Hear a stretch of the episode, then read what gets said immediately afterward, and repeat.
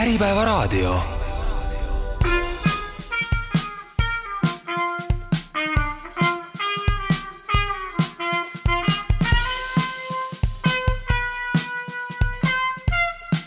Soraineni sagedus, mitu arvamust, üks eesmärk. tere tulemast kuulama Soreneni sagedust. mina olen äh, Maarja Sõrm, minuga on siin täna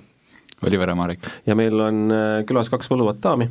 Mirel Prusa. ja, Olivia Krani. Ja mõlemad on siis äh, meie head kolleegid advokaadibüroos Sorenen ja täna on meil siis juba nagu nimede järgi võib arvata, intellektuaalomandi eri, eks ole? ja mikrotopoloogiast räägime ka. aga võib-olla alustaks sellise küsimusega, et äh, eks intellektuaalomandi küsimused on mõnes mõttes ajatud, on ju. niikaua, need on olemas olnud ja nii kaua on nende üle vaieldud ja nii kaua neid on vaja olnud arvesse võtta erinevates elulistes etappides. Praegu alustada sellise avapaguga, et mis need põletavad teemad selles valdkonnas praegu üldse on? või millega teie oma tööalast kõige rohkem kokku puutute? ma arvan, et äh, keeruline on öelda seda, et mis on nüüd täna konkreetselt äh, eriliselt põletav, ma arvan, et nagu sa ütlesid, siis äh, nii-öelda need eri liiki äh, intellektuaalomandid, need on olnud noh, kaua aega olemas ja nendega me ka igapäevaselt tegeleme, et, ähm, et võib-olla mis on noh, ühe sellis-, ühed sellised igapäevasemad, millega me, millega me igapäevaselt kokku puutume, on autoriõigused autoriõiguste puhul me ei räägi siis ainult äh, lauljatest, äh, kirjanikest, äh, vaid me tegelikult räägime noh, nii-öelda igapäevatöös, igapäevaäris ette tulevatest asjadest, nagu näiteks arvutiprogrammid, kellele kuuluvad noh, ma ei tea, õigused mingitele dokumentidele, mis on koostatud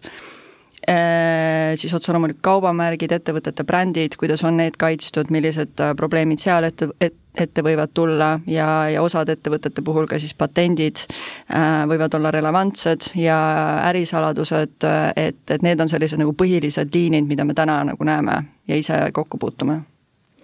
jah, minu arvates on vist kõige suurem probleem selles, et, et ei eristata erinevaid intellektuaalse omandi objekte üksteisest. et äh, tihtipeale loeme artiklitest, et kaubamärk on patenteeritud kaubamärki ei saa patenteerida, seda saab registreeringuga kaitsta ja patentidest ka räägitakse kui mingist laiast mõistest, et tegelikult ei saada aru, et patent on üks äh, võimalus, kuidas kaitsta leiutist. et kõigepealt peab sul olema sul leiutis ja siis seda leiutist sa kaitsed kas patendiga või kasuliku mudeliga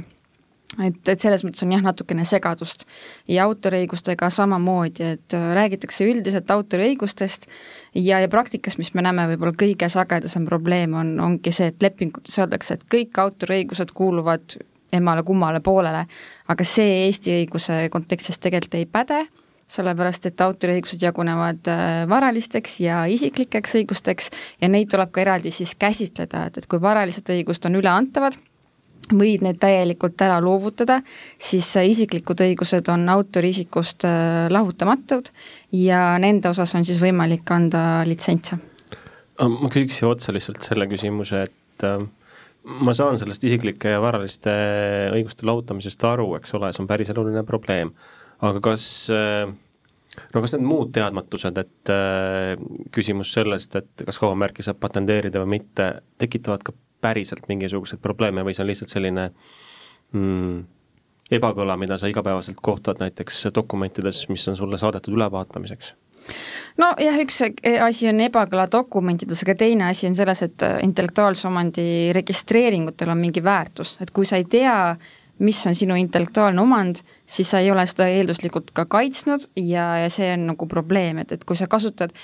mingisugust tähist oma kaupa või teenuste märgistamiseks, sa ei tea, et see võiks olla kaubamärgina kaitstud, siis see võib lihtsalt viia selleni, et, et keegi teine hakkab sedasama tähist kasutama ja siis sa saad aru, et okei okay,, ma oleks pidanud selle kaubamärgina registreerima, ma ei ole seda teinud, aga nüüd ongi siis probleem, on ju, mis siis saab. et kaubamärkide puhul näiteks on hästi oluline see, et, et kui sa esimesena seda ära ei registreeri, keegi jõuab sinust ette, noh siis on nagu keeruline midagi siin enam ette võtta, et sõltuvalt asjaoludest võib-olla on võimalik öelda, et oh, konkurent oli pahauskne või, või tegi midagi valesti, aga, aga pigem on siis see rong juba läinud. ja see on ja noh, see võib-olla on otseselt seotud ka nagu suurte kulutustega, mida ettevõtted peavad tegema, et et eriti alustavate ettevõtjate puhul on meil päris palju just ka viimasel ajal ette tulnud seda, et, et on loodud on loodud bränd, tehakse, kogutakse juba investeeringuid selle brändi alusel, aga noh, keegi ei ole kunagi mõelnud selle peale, et okei okay,, et kas see bränd, millega ma olen, olen välja tulnud ja mille, mil-, mida ma olen igal pool kujunduses kasutanud ja millega ma juba tarbijatega suhtlen, et, et kas see päriselt on ka vaba. ja need kulutused on tehtud ja siis keegi ütleb, et kuule, lõpeta ära ja, ja sul ei olegi midagi muud teha, kui siis sa peadki ära lõpetama, tegema kõik need kulutused uuesti ja tegema veel rohkem kulutusi, siis sa pead ju kõiki teavitama sellest, et nüüd, nüüd nii-öelda see bränd, millega sind, mind ära peaks tundma, tundma, on midagi muud. et, ähm, et see on jah, üks selliseid võib-olla isegi igapäevasemaid asju, mis, äh, mis ette tuleb ma tahtsingi selle kohta küsida, et mis hetkel, kui me räägime majandustegevusest, siis tegelikult mis hetkel on nagu mingi või kas saab öelda, et on mingi niisugune optimaalne hetk, mis hetkel nagu tuleks intellektuaalne omand selles suhtes ette võtta, et kui me räägime eriti startup idest, siis küllap see ei ole nagu esimene asi, mille peale nad mõtlevad, aga, aga mingi hetk võib-olla, kui äri juba on kasvanud, siis tasuks mm -hmm. selle peale mõelda, et millal see hetk võiks saabuda jaa, no ma arvan, et siin tuleb ka neid asju teha nii-öelda faasiti ja, ja, ja mõistlikult, ehk siis et noh, kindlasti üks asi, et kui me räägime, et startup noh, mingil hetkel ettevõte luuakse ja siis ta hakkab kaasama investeeringuid selleks, et oma äri kasvatada. ja kindlasti üks põhilisi asju, mida investorid kohe alguses vaatavad, on see, et kas see intellektuaalne omand, mida selle investeeringu tegemise ajaks oled loonud, kas see on piisavalt kaitstud ja, ja noh, tavaliselt, mis, mis seal siis oodatakse, on olemas, on see, et sul on vähemalt töölepingutes vajalikud punktid olemas, mis räägivad intellektuaalsest omandist äh, piisaval määral, et sul on äh, kõikide teenuseosutajatega näiteks, kes sul on mingites arendustegevustes äh, juures olnud, et nendega on vajalikud intellektuaalomandi kokkulepped tehtud,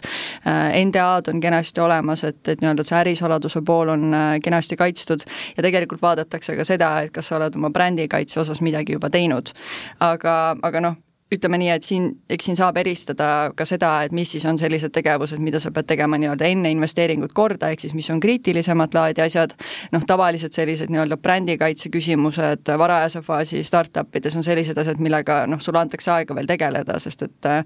teadagi selline kaubamärgi registreerimise protsess ise võtab ka aega ja et see ei ole teps mis odav. Oleneb muidugi, mis sinu, mis sinu nii-öelda soovitud territoriaalne katvus sellel tootel või teenusel on mis see, lihtsalt vahepõikena, et mis see ajaraam näiteks võiks olla äh, kaubamärgi registreerimiseks, kui kiiresti on võimalik ära re registreerida, kui see probleem tekib? see sõltub äh, territooriumist, on siin näiteks Eesti kaubamärk, ma arvan, et see on siis mingi, praegu peaks olema poole aasta pikkune, et esitad äh, taotluse ja siis pool aastat läheb umbes selle menetlemise peale ja, ja siis saab kaitstud Euroopa Liidus ka, et võiks öelda isegi, et neli kuni kuus kuud on see minimaalne aeg. Mis, mis läheb siis taotluse esitamisest kaitse saamiseni. ja seal on siis äh, klassikaline eristusvõime ja kõik need muud asjad, mida hinnatakse? jah ja., kaubamärgi registreerimine käib üldiselt sellist, et esitad äh, taotluse, siis amet hindab, äh, vaatab, kas on mingisuguseid absoluutseid keeldumise aluseid, et kas on eristusvõimeline, tähendab, kas on eristusvõimetu või mingeid muid probleeme ja, ja kui amet leiab, et kõik on okei okay,, siis ta teeb otsuse registreerida, siis avaldatakse kaubamärk registris, äh, misjärel saavad siis kolmandad isikud äh, vaidlustada. Et see sõltub jälle territooriumist, et kas on kaks või kolm kuud on see periood ja kui keegi ei vaidlusta, siis kantakse kaubamärk registrisse aga noh, see on selline probleemivaba menetlus, et, et päris sageli sul on ikkagi noh, näiteks kui sa tahad USA-s kaubamärki registreerida, siis peaaegu alati on amet, soovib, et sa täpsustaksid midagi oma taotluse juures ja äh, ja siis võib-olla sa pead hakkama kellegagi läbi rääkima, mingeid nõusolekuid saama, et, et see võib ikkagi olla pikk protsess, et äh, kui läheb kõik hästi, siis see on probleemivaba ja saab selliste lühikeste perioodidega hakkama, aga sageli see nii ei ole. ma küsiks siia otsa siis, et kui see on nii piinarikas protsess, et tõenäoliselt see on seotud siis ka mingisuguste üsna märkimisväärsete kuludega, jah või ei? sõltub jällegi territooriumist, et kui ütleme, et nagu noh, ma ei tea, äri eesmärk, soovitakse äriliselt katta näiteks Euroopa Liit ja USA, ma ütleks, et äh, noh, siin me ei saa rääkida väga hirmsatest kuludest, aga, aga näiteks noh, mingite Aafrika riikide puhul on need kulud ikkagi päris kõrged võivad olla, et, et me räägime tuhandetest eurodest, et kaugemate turgude puhul see kulu tekibki sellest, et see protsess on niivõrd erinev ja mingeid täiendavaid dokumente tuleb esitada või või kui, kui nii-öelda standardsed need protsessid mm -hmm. üldse on, kui me mm -hmm. räägime nagu tervest maailmast mm -hmm. nii-öelda selle kaitse saamiseks no Eesti, Euroopa Liit, USA pigem on standardsed, USA-s on lihtsalt teada, et, et seal tulebki ähm, amet küsib su käest täpsustusi kaupade-teenuste loetelus ja peavad sellega arvestama, aga ja Aasia ja Aafrika riigid, seal on need protsessid natuke teistsugused ja seal ei ole tihtipeale võimalik ähm, kasutada kas siis ähm, on see rahvusvaheline kaubamärgisüsteem, et sa saad esitada siis taotlusega rahvusvahelise kaubamärgisüsteemi kaudu, kus sa saad valida ise, millistesse riikidesse see kaitse laieneb, et maksad lihtsalt lõivu ja siis amet siis nii-öelda vahendab seda avaldust. et äh, mingid riigid siis, mis sinna mm, ei ole rahvusvahelise süsteemiga või Madriidi süsteemiga siis liitunud, siis nendes riikides on kindlasti kallim et seal on juba lõivud kallimad ja, ja siis äh, üllataval kombel on Aafrika riikides äh, õigusnõustajate kulud kaubamärkide registreerimisel tunduvalt kõrgemad kui, kui Euroopas. Aga kui nüüd näiteks võtame mingi hüpoteetilise olukorra, et meil on siin, tegutseb mingi ettevõte, on juba, ma ei tea, kümme aastat tegutsenud, võib-olla ta on midagi nii-öelda tegeleb siis mingi tootearendusega näiteks, ta ei ole kordagi nagu mõelnud selle peale, et eh, kas tal on mingit intellektuaalset omandit, eh, mida kaitsta, või kas näiteks ta ise rikub kellegi teise intellektuaalset omandit, aga nüüd ta sooviks selle korda saada, mis need eh, nii-öelda teada saada siis, et mis olukord tal nagu hetkeseis on ja fikseerida see kuidagi ära, et ta oleks südamerahus, saaks ikkagi juhatuse liige magama minna, et mis need sammud on, mis ta teha võiks, mis ta tegema peaks? no täna, mida me omalt poolt soovitame, on on teha läbi selline intellektuaalomandi auditi protsess, et me oleme päris palju kuulnud äh, noh, sellisest asjast nagu andmekaitse audit, et, äh, et see on selles mõttes analoogne, et, et vaadata siis sisse tervesse sellesse ärisse, kaardistada ära see, et mis on hetkel tehtud, kuidas on intellektuaalomandi kaardis äh,, intellektuaalomand loodud äh,, vaadata üle kõik lepingud, kogu dokumentatsioon, mis sellega seoses on koostatud, esimese sammuna siis välja selgitada see, et mis on puudu, et mis on need asjad, mida kindlasti peaks ära parandama ja, ja tegelikult on noh, tavaliselt soovitatav minna siit isegi kaugemale, et mõelda, et äh, mit-, mitte ainult selle peale, et mida peaks ära parandama, vaid kuidas me saaksime intellektuaalomandit kui ettevõtte vara edasi arendada ja edasi kasvatada ja selle väärtust suurendada. et näiteks, et kas meil on siin ma ei tea, kas meil on mõni leiutis, mille puhul me näeme, et seda, et me peaksime seda patenteerima ähm, ja nii edasi, et kas me kasutame mingit brändi, mille osas me näeme, et, et selle võiks kindlasti kaubamärgiga ära kaitsta. kui me räägime sellest nii-öelda IP auditist, ähm, mis need põhilised probleemid seal on, mis sealt nagu välja kooruvad ettevõtete jaoks? kas me saame se-, selle kohta ka mingeid näiteid näiteks tuua? jah, peamised probleemid on võib-olla kõige olulisem või niisugune üldisem asi on see, et, et ettevõttele ei kuulu intellektuaalset omandit, mis ta arvab, et talle kuulub. Ehm, esimene samm ongi ilmselt töölepingud, et intellektuaalset omandit loovad siis füüsilised isikud ja selleks, et füüsiliselt isikult see intellektuaalne omand kuidagi ettevõttele üle läheks, et seal peab olema leping vahepeal. ja need on needsamad äh, isiklikud ja, ja varalised autoriõigused ja, ja kui noh, töölepingu puhul on, on seadus tagab küll mingisuguse automaatse režiimiga ülemineku ka, aga meie arvates see ei pruugi olla piisav alati ehk siis tulekski vaadata üle töölepingud, et kas äh, on töötajatelt kõik IP läinud üle ettevõttele ja, ja siis samamoodi teenuste osutamise lepingud, et kõik, kes ettevõttele midagi loovad, et kas nende selle loodu osas on õigused äh, üle läinud, et tihtipeale on, on, on juhtunud, et, et avastatakse, et ei, et ei ole. kuidagi on ikka niisugune tavaline Eesti asi, et, et äh, teeme koostööd, kõik sujub lepingut ei ole, probleeme ei ole ja siis üks hetk inimesed lähevad tülli ja siis, siis lepingut ei ole. et võib-olla kõige niisugune tavapärasem näide on äh, ma ei tea, disainiteenuste sisseostmine, et keegi ostab äh, mingisuguse ma ei tea, tootekujunduse disaini sisse, kõik on hästi, töö käib, mingil hetkel minnakse tülli, lepingut ei ole ja siis see, kes on sulle selle toote pakendi disaininud, ütleb, et näed, me ei ole leppinud kokku, et äh, autoriõigused sellele disainile läheks sulle üle, need on minu õigused, ma keelan sul seda kasutada. ja siis on ettevõtja sellises olukorras, et seda tootepakendit ta kasutada ei või, ilma loata, loa saamiseks on jälle see, et pead teiselt poolele siis midagi juurde maksma või, või kuidagi läbi rääkima, et siis oled nagu raskes olukorras see on mitu korda tegelikult meil saatest läbi käinud, aga ma mõtlesin, et võiks ikkagi siis selguse huvides ära defineerida, et mis asjad need on isiklikud õigused ja mis asjad on varalised õigused, mida saab üle anda või mida ei saa üle anda. et siis oleks kõigil selge. jah, see on, äh, seadus äh, loetleb need aga, aga üldiselt võib-olla võiks jagada niimoodi, et varalised õigused on siis õigus äh, teost kasutada, reprodutseerida, müüa, sellest tulu saada. Kõik selline varaline pool. isiklikud õigused on siis äh, õigus ähm,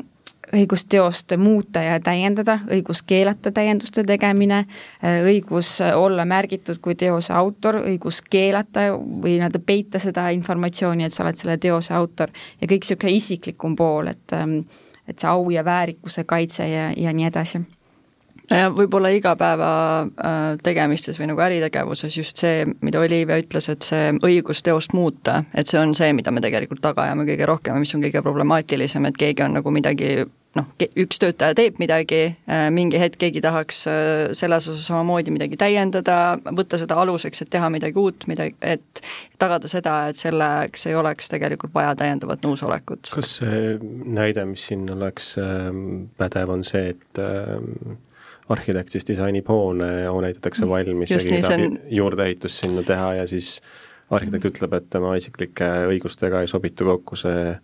Äh, huvitav juurdeehitis. ja see on, see on tegelikult meie kõige tuntum äh, Riigikohtu lahend selles küsimuses, jah mhm, aga mida siis sellisel juhul selles mõttes teha, näiteks võtame, et on ehitatud mingi olulistes avalikes huvides haigla äh, või, või mingisugune muu äh, väga oluline hoone ja sinna on äkki ka avalikes huvides vaja juurde ehitada mingisugune juurdeehitis. et kas siis, oletame, et seda haiglat opereerib riik, et kas siis riik saab sundida seda nii-öelda juurdeehitust siis kuidagi lubama või, või, või kuidas sellega siis on? no ikkagi peaks olema see leping, kui, kui see arhitekt oma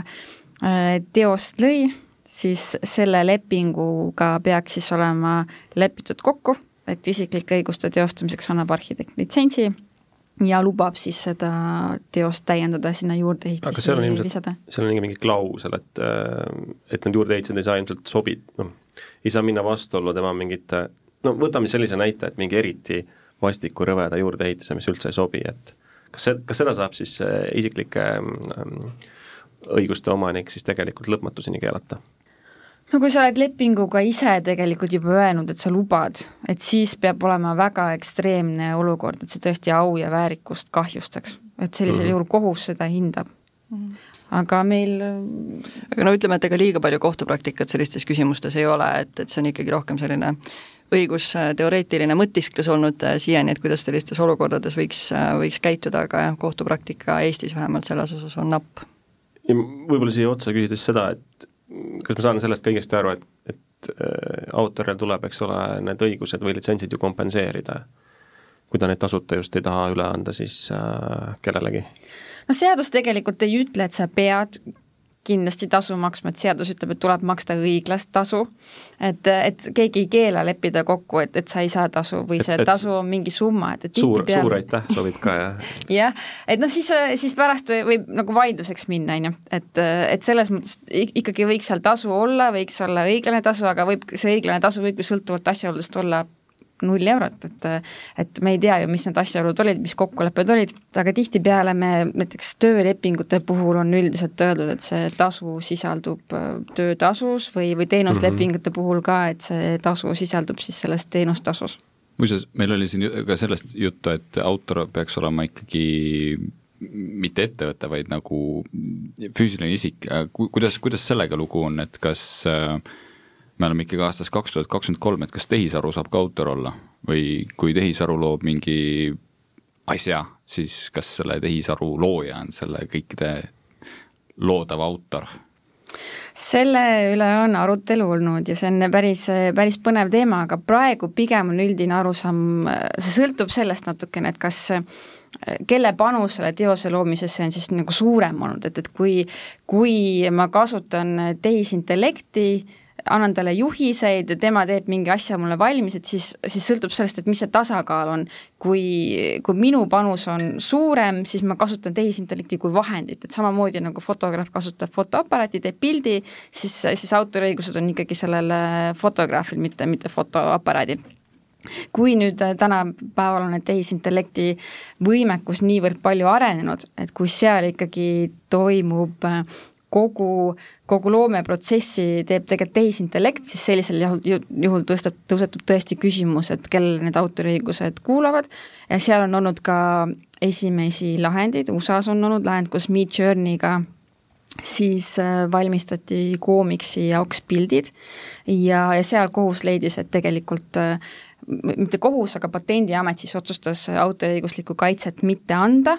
äh, kuna, kuna siis selle autor ei, autor ise ei panustanud või tema panus nende ähm, illustratiivsete teoste osas oli niivõrd väike ja, ja, ja Patendiamet siis leidis, et äh, autor ise ei ole panustanud, see ei ole tema loometöö tulemus, autorile autoriõigusi ei ole ja tehisintellektile autoriõigused kuuluda ei saa. et see on selline ülemaailmne üldine arusaam hetkel, et ähm, autoriõigust ei saa kuuluda tehisintellektile, samamoodi nad ei saa kuuluda loomadele, et see on ainult siis inimeste õigus. seda, kas see ka tulevikus nii jääb, seda me ei tea tehisintellektide puhul, kui, kui niisugune teenus, mida pakutakse, et seal äh, tasub meeles pidada, et et äh, tuleb lugeda kasutajatingimusi. kasutajatingimustes siis võib kirjas olla, et, et kui ma, kui ma seda tehisintellekti kasutan, et kas need autoriõigused sellele teosele, mis ma sellega loon, kuuluvad mulle või mitte. et äh, näiteks chat-GPT osas on kirjas, et äh, sellele sisendile, mis sa sinna kirjutad, juhised, mis sa annad tehisintellektile, nende osas kuuluvad õigused sulle Äh, see, mis, mida tehisintellekt loob, see sisu, väljund, kuulub neile, aga nad annavad sulle nii-öelda litsentsi selle kasutamiseks mm. -hmm. aga sisuliselt võib jääda see, nii-öelda õigused võivad jääda siis ka kuhugi nagu vaakumisse, et äh, jah, sellisel juhul lihtsalt autoriõiguslikku kaitset ei ole, mis tähendab, et ükskõik kes võib sinu loodud asja kasutada, kuidas heaks arvab ja sellest äh, tulu teenida Äh, litsentsilepingute osas üks oluline asi, mida silmas pidada, et just, et isiklike õiguste osas ka, me räägime kogu aeg sellest, et äh, tuleb anda litsents, siis Eesti õiguses on selline huvitav eripära, et litsentsilepingu saab kumbki pool igal ajal üheaastase etteteatamisega üles öelda. ehk siis praktiline po-, probleem, mida me lepingutes näeme, on see, et, et esiteks antakse kõik intellektuaalne omand üle siis sealt samm edasi on väga tore, eristatakse varalist õigust, isiklikud õigused. siis äh, antakse veel varaliste isiklike õiguste osas litsents, aga antakse see tähtajatult. et tähtajatu litsentsi saab üles öelda, mistõttu siis see litsents isiklike õiguste kasutamiseks peaks alati olema tähtajaline, see võib olla kümme aastat, see võib olla viiskümmend aastast, aga kõige tavapärasem on öelda, et see litsents kehtib kuni vastavate õiguste seadusest tuleneva õiguskaitse kehtivuse lõppemiseni. palju see siis on? Seitsekümmend aastat autori surmast. Vau, et siis pärijad saavad ka seda ekspluateerida mõnuga ja, ja. nende pärijad, no see on vist ka eraldi nagu huvitav teema, et kui ongi lõpuks pärijad need omanikud, et siis kui keegi teine tahab seda kasutama hakata, siis on vaja see pärijate nimekiri kuidagi selgeks teha, et kellelt nende nõusolekuid küsida, kas, kas, kas see on ka nagu praktikas problemaatiline? jah, see on problemaatiline, et selgitada välja, et kellele need autoriõigused äh, kuuluvad nii et siis seadus tegelikult ütleb, et sa peadki siis tegema selle pingutuse, on ju, selgitama välja, kes, kes on autor ja, ja kui, kui selgub, et autor on surnud, autor on surnud vähem kui seitsekümmend aastat, siis tuleb otsida üles pärijad, saada nendelt nõusolek, aga praktiline probleem on, on tõesti ka see, et kui neid pärijaid on mitu ja üks ütleb, et võid kasutada, teine ütleb, et ei või, mis sa siis teed, on ju, et sa peaks tegelikult justkui kõigilt nõusoleku saama. aga kas pärijatest veel hullem probleem ei ole, no ütleme, inimeste, inimene üldjuhul saavad ikka piiratud arvu lapsi, on ju, ja lapselapsi, aga näiteks kui sul on mingisugune konglomeraat tuhandete töötajatega, seal on viissada progejat progenud ühte juppi, on ju, kõigil oma isiklikud õigused, eks ole, mingis osas, selles osas, mida nad on progenud, on nii? et, et kuidas siis, kuidas siis nendega on, et kümne aasta pärast tekib mingi küsimus autoriõiguste kuuluvuse osas näiteks või mingi muu selline teema, et et kas ma lähen siis tuvastama tagantjärgi neid kõiki neid mm -hmm. proge, et mõned on ära läinud, mõned on ära surnud, eks ole, mõned on mõistuse kaotanud. et mis siis nagu saab ja kuidas seda manageeritakse? No just sellel samal põhjusel ongi mõistlik panna need nii-öelda protsessid paika siis, kui sul on nagu piiratud hulk või vähe töötajaid. et, äh, et proovida seda aastaid hiljem teha, noh näiteks, ütleme, et, äh, et sa oled ehitanud suure ettevõtte, äh, hakkad tegema exit'it ja siis ostja teeb sinu suunas siis sellist due diligence'i või õigusauditit ja näeb, et okei okay,, et aga sul ei olegi korralikke lepinguid inimestega, kes siin on aastate jooksul panustanud ja, ja on väga võimalik, et ta ütleb, et nii, et nüüd selleks, et selle tehinguga edasi minna, sa pead need lepingud saama heal juhul sa tead täpselt, et kes need inimesed olid, et sul on mingi track record kuskilt maas, aga aga seda ei pruugi olla. Teine teema on muidugi see, et kui isegi, kui sul on need inimesed olemas, kus sa need üles leiad Nad võib-olla on äh, kolinud äh, Hawaii'le ja neil puudub telefon ja puudub email ja sul ei ole võimalik neid kuidagi kätte saada, äh, või siis nad ei ole lihtsalt nõus seda sulle andma, et sa tuled aastaid hiljem mingi suvalise dokumendiga, mida sa tahad, et ma allkirjastaksin, miks ma peaksin seda üldse tegema, või siis keegi näeb, et see on hea võimalus teenida mingit lisaraha ja see ei pruugi üldse, üldse olla väike summa, mida sellisel juhul siis küsitakse et, äh, et jah, et, et selles mõttes äh, noh, tulles tagasi selle IP auditi teema juurde, et, et kindlasti võib-olla me ei räägigi siin sellest, et seda protsessi peaksid vaat-, tegema nii-öelda sellised suured ettevõtted, vaid, vaid tehagi juba siis, kui sul on, kui see kõik need protsessid on hoomatavad, sul on, on hoomatav ka see osa, et, et millal seda kõike siis hakata korda tegema ja mida sa selleks nagu tegema pead ehk siis võiks etteulatuvalt ära lahendada need küsimused, äh, mitte siis kümme aastat hiljem, eks ole? jah, tasub varakult ikkagi mõelda selle peale aga mis, kas seal on mingi nagu praktiline näpunäide ka, et ütleme, et ongi nagu needsamad, meil on mingid tarkvara, tarkvara arendamine ja seal on nagu, ma ei tea, sadu, võib-olla tuhandeid arendajaid tegutseb, et ettevõte peakski siis nagu iseenesest nagu mingit registrit pidama näiteks selle kohta, kes kõik selle koodijupi kallal mingil hetkel tööd on teinud? no see oleks kindlasti kõige sellisem puhtam viis seda lahendada jah, et sul on, sul on jälg sellest, et kes sul on nii-öelda selle tootearendusega tegutsenud. noh, ma arvan, et tänapäeval enamikel ettevõtetel ka on selline ülevaade, et noh, et sul on inimesed amet, noh, üldjuhul sul on inimesed ametlikult tööl või on nendega mingid ametlikud kokkulepped, aga noh, kui me mõtleme, kuidas täna enamik äh, startup'e alguse saavad, äh, kamp inimesi tuleb kuskil kokku, arutavad mingit ideed, võib-olla kiiresti kirjutavad äh, valmis mingi asja äh, või siis, või siis minnakse koos kuhugi häkatonile, mõeldakse välja mingi idee, mida, mida pitch itakse seal ja juba arendatakse toode kuhugi faasi. Ja siis võib vabalt olla see, et, et, et siis kui otsustatakse, et aa, et okei okay,, et tundub, et me võiksime sellest päris mingi äri ka teha, siis pooled ütlevad, et aa, et ma tegelikult ei viitsi sellega tegeleda, aga keegi kunagi ei mõtle selle peale, et aa, okei okay,, et aga kui me kasutame seda asja, mida need inimesed tegid äh, selles nii-öelda mitteformaalses formaadis, et, et siis tegelikult me peaksime nendega ka mingid lepingud tegema. ehk siis ähm, tuleb arvet pidada ja hunnik lepinguid teha? see arvepidamise osa võib-olla on selline hea, kui see on mm, -hmm. aga tegelikult äh, kui me jätame nüüd kõrvale need inimesed, kes enne kui päris tööks läks, äh, osa võtsid, siis, siis tegelikult on see, et kui sul on tööleping olemas kõikide inimestega, kes on sulle koodi kirjutanud, siis, siis see maandab selle riski ära, kui seal töölepingus on äh, need reeglid äh, korralikult paika pandud, siis sa saad lihtsalt öelda, et näed, selle koodi võib-olla kirjutas see inimene, võib-olla kirjutas teine inimene, aga meil on nende mõlemaga sõlmitud mm -hmm. veekindel tööleping aga ma tean, et Maarja, sul on südamel, kui me saadet ette valmistame, et sul on üks väga konkreetne teema südamel, millest sa sooviksid siin saates rääkida, et ma ulataksin ja. sulle mikrofoni. ja ulataksid, ulata mulle palun mikrofon. ja ma jäin mõtlema üks päev äh, selle stseeni peale, kus oli pilt, ammune, foto vist, eks ole, kaunis noor daam poseeris, oli šampanja, oli šampanjaklaas ja siis ma mõtlesin ühe teise foto peale, mis oli väga sarnane sellele oli, oli noor daam, kaunis, võib-olla veidi noorem isegi, ei tea, šampanjaklaas, šampanja voolas ja sellest tekkis siis noh, selline, ma saan aru, selline autoriõiguslik vaidlusküsimus. et kas sellised probleemid ja vaidlused on tavapärased tekkima just sellistes kohtades ja ja mida nagu näiteks sellesama konkreetse näite varal oleks võinud teha teisiti või mille peale oleks pidanud mõtlema ja mis siis üldse edasi saab? jah, selle konkreetse fotoga äh, võib-olla oli kaks teemat, et äh, kõigepealt äh, tekitab segadust inimestes jätkuvalt see, et kellele kuuluvad siis autoriõigused fotole. fotole autoriõigused kuuluvad fotograafile. teine segadus on see, et, et kas kas üldse foto peal olev asi võib olla autoriõigustega kaitstud, jah, et äh, kogu intellektuaalse omandi tulemus on autoriõigustega kaitstud, see väljund, foto ise on autoriõigustega kaitstud, aga kõik, mis seal foto peal on, ei pruugi olla, et äh, ideid kaitsta ei saa et see, et äh, noor daam on mingisuguses kindlas äh, poosis, siis, siis tegelikult ei saa niimoodi, et keegi mujal maailmas ei, ei või sama poosiga fotot teha. et see lihtsalt äh, oleks niivõrd piirav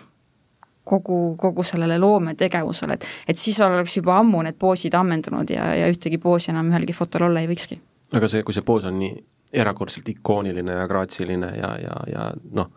võib-olla ta on juba iseenesest mõnes mõttes justkui piltlikus mõttes kaubamärk. kas ka siis mitte? no kaubamärgina on no, ta, võimalik ka kaitsta teatud noh, et näiteks Disney on kaitsnud äh, kaubamärgina siis tegelaskujusid, et see on, see on eraldi teema, et, et võiks, see sõltub äh, jah, tõesti, ma arvan, et ikkagi ideena poosi kaitsta ei saa, küll aga on see, et, et kui see fotot on kopeeritud tõesti nii, et see on peaaegu üks-ühele, see on nagu nii, nii sarnane, et siis võiks nagu olla vaieldav see, et, et kas on autoriõiguste rikkumine. ehk siis, kui meie lähme Oliveriga siin äh, Äripäeva majas sinna trepi peale Oliver võtab oma fotoka kaasa ja ma kraamin oma šampanja välja, šampanjaklaasi välja ja, ja, ja annan oma parima joogapoosi sinna peale, on ju. tehakse must see foto. no ütleme niimoodi, et noh, tõenäoliselt ei ole üks-ühele, aga ikkagi see no idee on samast viljast kantud. et kas ma võin siis seda või noh, mitte mina, vaid kas Oliver võib siis seda fotot, mis, mille ta minust tegi, ekspluateerida enda majanduslikel eesmärkidel eh,, piiranguteta? ma, ma kardan, et, et teie kui te seal pildi peal oleksite, siis see oleks juba paroodia, et see, see ei, ei lähe selle sama, sama idee kopeerimise aga kas paroodia on kuidagi vähem kaitstud siis? Jah, jah, selles mõttes paroodia osas on äh, lubatud, sest kui sa parodiseerid, siis, siis seal on need reeglid natuke leebemad, et sa võid siis kellegi teise teost kasutada. aga oletame nüüd teistpidi, et ma olengi kaunis noor daam ja Oliver teeb samamoodi minust pilti siis autoriõigused sellele fotole kuuluvad Oliverile, ta võib seda pilti kasutada nii, nagu ta heaks arvab. ja tal ei tule selle teise minu jaoks, hetkel ei tule meelde, selle esialgse fotograafi teosega sarnasuse tõttu mitte mingeid probleeme? välistada seda ei saa, et, et ikka võib tulla see teise foto autor ja öelda, et, et sa oled kopeerinud, et need on niivõrd identsed, aga mulle küll isiklikult tundub, et see on väga keeruline, kui sa oled teinud samal ideel foto, aga sa ei ole sedasama asja, fotot võtnud, on ju, sa ei võta kellegi teise fotot ja ei kopeeri ja ei kasuta seda, vaid sa teed samal ideel põhineva sarnase sisuga foto, et, et siis, siis on nagu keeruline öelda, et, et sa rikuks autoriõiguse, sest foto autor oli ju tegelikult Oliver, on ju. Mhm. ja, ja ideid ideid kaitsta ei, ei saa, et selle, on olnud äh, kohtulahendeid ka, kus ongi vaieldud selle üle, et, et foto on väga sarnane mingisugusele vara, varasemale fotole ja ja on, on päris sarnaseid olnud ja, ja on kohtud on leidnud, et, et ähm, ei ole rikutud. ehk siis tegelikult selles kaasuses, mida ma kirjeldasin, selles hüpoteetilises kaasuses, äh, nii esimeses kui ka teises kui kolmandas, tegelikult mingit päriselulist probleemi üldjuhul ei peaks tekkima? jah ma hakkasin mõtlema selle peale, et siin oli paroodiatest juttu, et kas kas nagu kohtuvaidlus, vaidlustes on nagu ka tõusetunud see, et kust maalt nagu algab paroodia või ma mõtlen näiteks selle peale, et kui meil on mingi kuulus pilt ja mõni kunstnik on sellest pildist omakorda joonistanud mingi niisuguse pilkepildi või sarži, kas, kas kas siis nagu vaieldakse selle üle, et kust maalt algab nagu paroodia või, või, või see ikkagi nagu on sellest samast, sama autoriõigusega kaetud?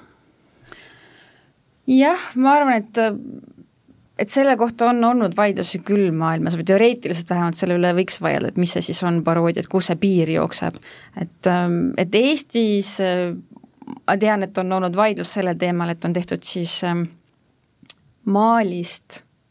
pilt, eks ole, et, et on, maal on seina peal, sellest on tehtud pilt ja see on siis äh avaldatud äh, ajalehes, et siis on küsimus see, et, et kas, kas on äh, rikutud siis selle maali autori autoriõigusi. ja seal taandus küsimus sellele, et, et, et kui, kui suure osa pildist äh, moodustab siis see maaliteos, maalikunstiteos. et äh, kui ta on nii-öelda maalikunstiteos on taustal, mingi inimene on seal ees, seletab midagi, räägib, et siis ei ole autoriõiguste rikkumine, sest ta on lihtsalt taustal, aga kui sa teed foto konkreetselt maalikunstiteosest ja paned kuskile üles, siis seal võiks öelda, et on äh, autoriõiguste rikkumine.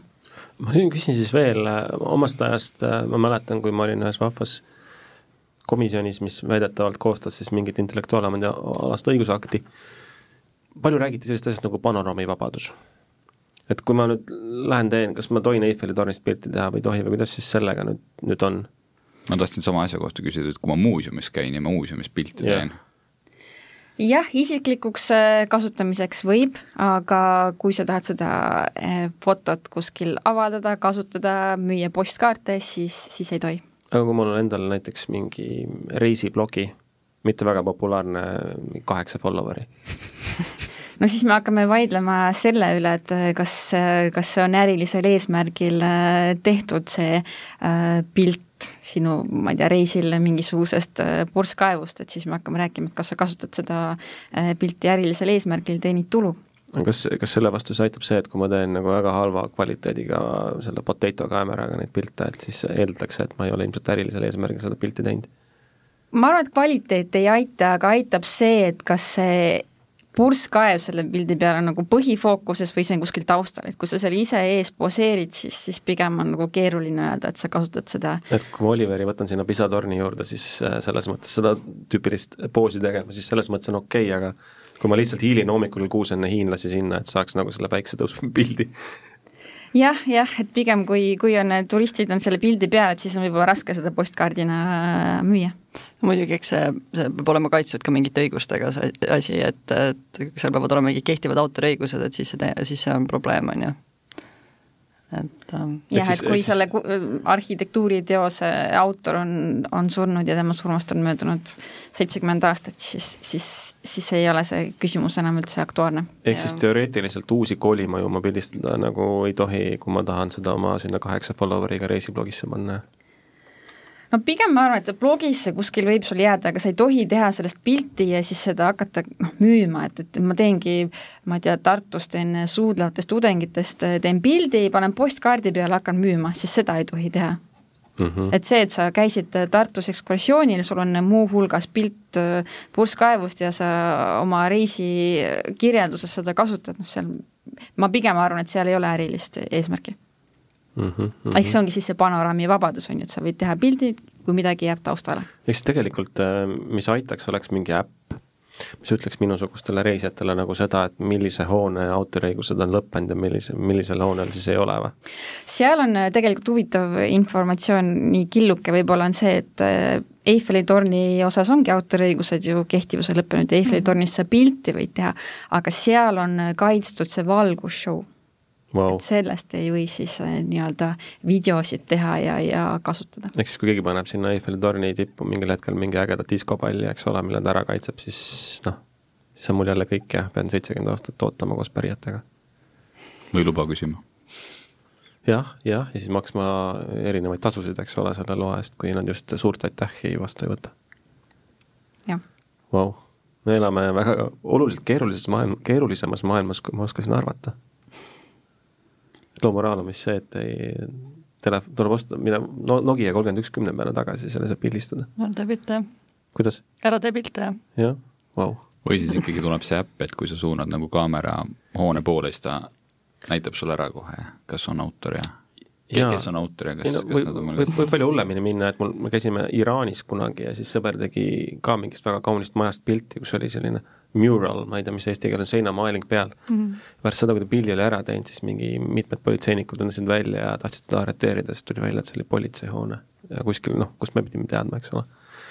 et äh, vangla Iraanis on ilmselt natukene raskem kogemus, kui, kui eks ole, kui tasuda või küsida luba, on ju, või, või mitte, mitte siis,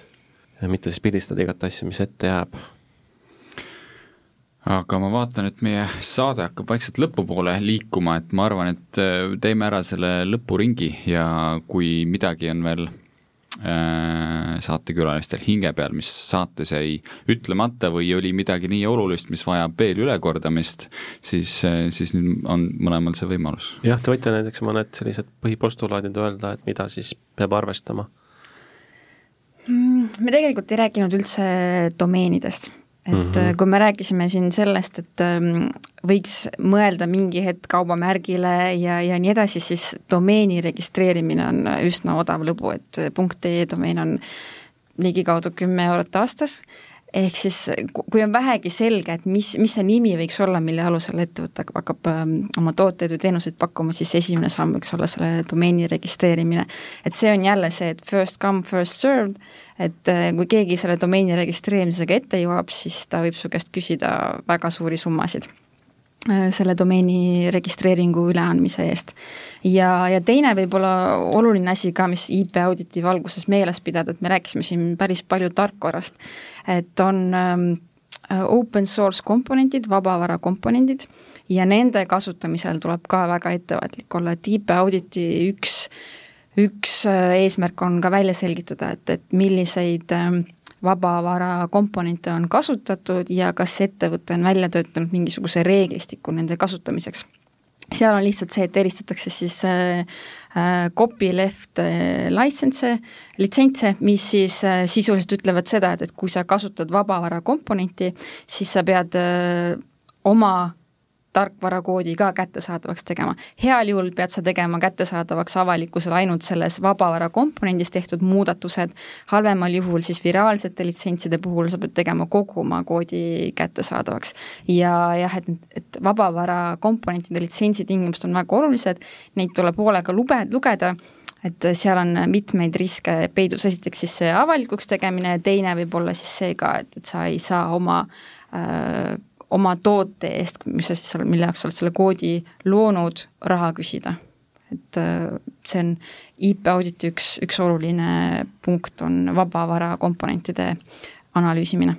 ja ma võib-olla tooksin selle vabavara osas äh, ka kohe ühe sellise näite, et et tegelikult on ette küll tulnud seda, et ähm, et ka investeerimistehingutes tegelikult investorid vaatavad üle seda või noh, et vähemalt sa pead kinnitama, et sul ei ole mingeid neid komponente, mida Äh, mida ei soovita seal näha sinu, äh, sinu koodis sees. ja, ja on ikkagi mitmel korral on siis olnud seda, et, et, et, et on näha, et tegelikult asutajad ja tiim ei tea. Äh, heal juhul tuleb välja, et seal ei ole seda, Äh, vahel tuleb välja, et on ja siis mõeldakse kiiresti välja, et, et kuidas, milliseid vahetusi või milliseid muudatusi siis saab teha, et et meil õnneks praktikas ei ole olnud sellist asja, et tuleb välja, et, et noh, terve toode ongi kasutamatu, et, et sinna ei olegi võimalik investeerida, aga kindlasti on, on, on see üllatusena tulnud. ja, ja võib-olla mis ma omalt poolt lisaksin, noh, selliseks kokkuvõtteks siis, et, et jah, et nagu sai siin ka mainitud, et, et kõiki selliste intellektuaalomandi küsimuste osas, intellektuaalomandi kaitse osas tasub ikkagi selline ettevõttesiseselt juhtroll võtta pigem varakult, sest siis on lihtsalt lihtsam ja odavam. Äh, kui kohe mõelda välja need nii-öelda lepingud ja sellised baasdokumentatsioon ja baasstrateegiad, mis, mis kannavad sind läbi ettevõtte noh, mitmete faaside juba algusest peale, siis lihtsalt pärast on, on, on kindlam anda kinnitusi, kindlam teha muudatusi, sest et sa tead, et sinu nii-öelda tagahoov on tegelikult korras ma veel ütleks seda, et intellektuaalsel omandil on väärtus. et iga intellektuaalse omandi objekt, mis ettevõttel on, sellel on äh, mingi väärtus, mida saab kasutada.